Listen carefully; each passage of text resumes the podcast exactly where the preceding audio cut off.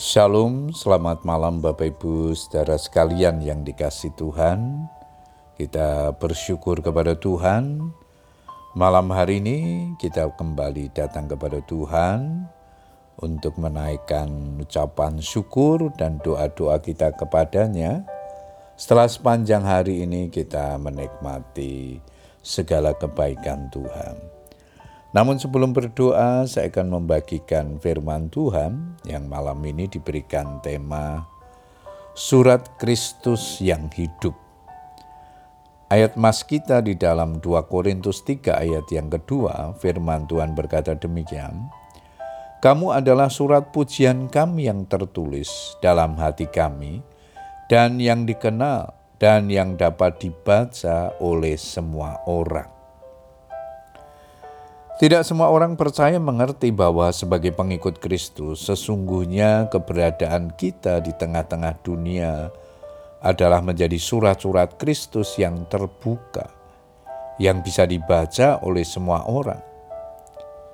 Karena itu, baik perkataan maupun tingkah laku kita seharusnya bisa menjadi berkat dan kesaksian yang baik bagi dunia. Seringkali kita diingatkan dengan ayat ini Barang siapa mengatakan bahwa ia ada di dalam dia, ia wajib hidup sama seperti Kristus telah hidup. 1 Yohanes 2 ayat yang ke-6 Jikalau kehidupan kita sama sekali tidak mencerminkan kehidupan seperti Kristus, maka kita bisa disebut sebagai orang-orang Kristen yang gagal Sebab sasaran utama hidup kekristenan adalah menjadi serupa dengan Kristus. Dan kita semua mencerminkan kemuliaan Tuhan dengan muka yang tidak berselubung dan karena kemuliaan itu datangnya dari Tuhan yang adalah roh, maka kita diubah menjadi serupa dengan gambarnya dalam kemuliaannya yang semakin besar. 2 Korintus 3 ayat 18. Orang percaya disebut sebagai umat Kristus, artinya kehidupan kita bisa dibaca oleh semua orang.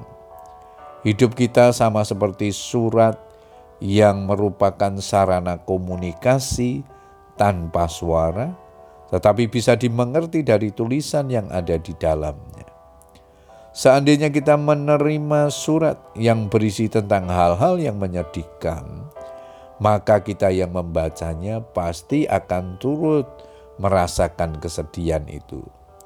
Demikian juga sebaliknya, kalau kita membaca surat yang berisikan tentang berita bahagia, maka kita pun akan turut merasakan kebahagiaan tersebut. Jadi, ada pengaruh bagi setiap orang yang membaca surat itu. Demikian pula seharusnya kehidupan setiap pengikut Kristus, yaitu bisa dibaca oleh orang lain dan dapat memberikan dampak yang positif. Sehingga meskipun kita belum bersuara atau memberitakan Injil, tetapi melalui perkataan dan perbuatan kita yang berbeda dari dunia. Kita sedang memberitakan Injil Kristus kepada orang-orang yang ada di sekitar kita. Ketika kehidupan orang percaya bisa menjadi teladan yang baik, maka tanpa disadari kita sedang memperkenalkan Kristus kepada dunia sebelum kita memberitakan Injil kepada mereka.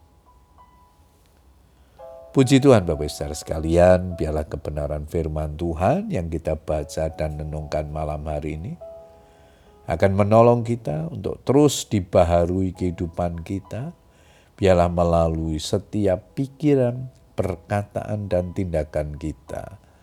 Orang-orang yang ada di sekitar kita boleh melihat Kristus yang hidup di dalam diri kita. Puji Tuhan. Selamat berdoa. Tuhan Yesus memberkati kita semua. Amin.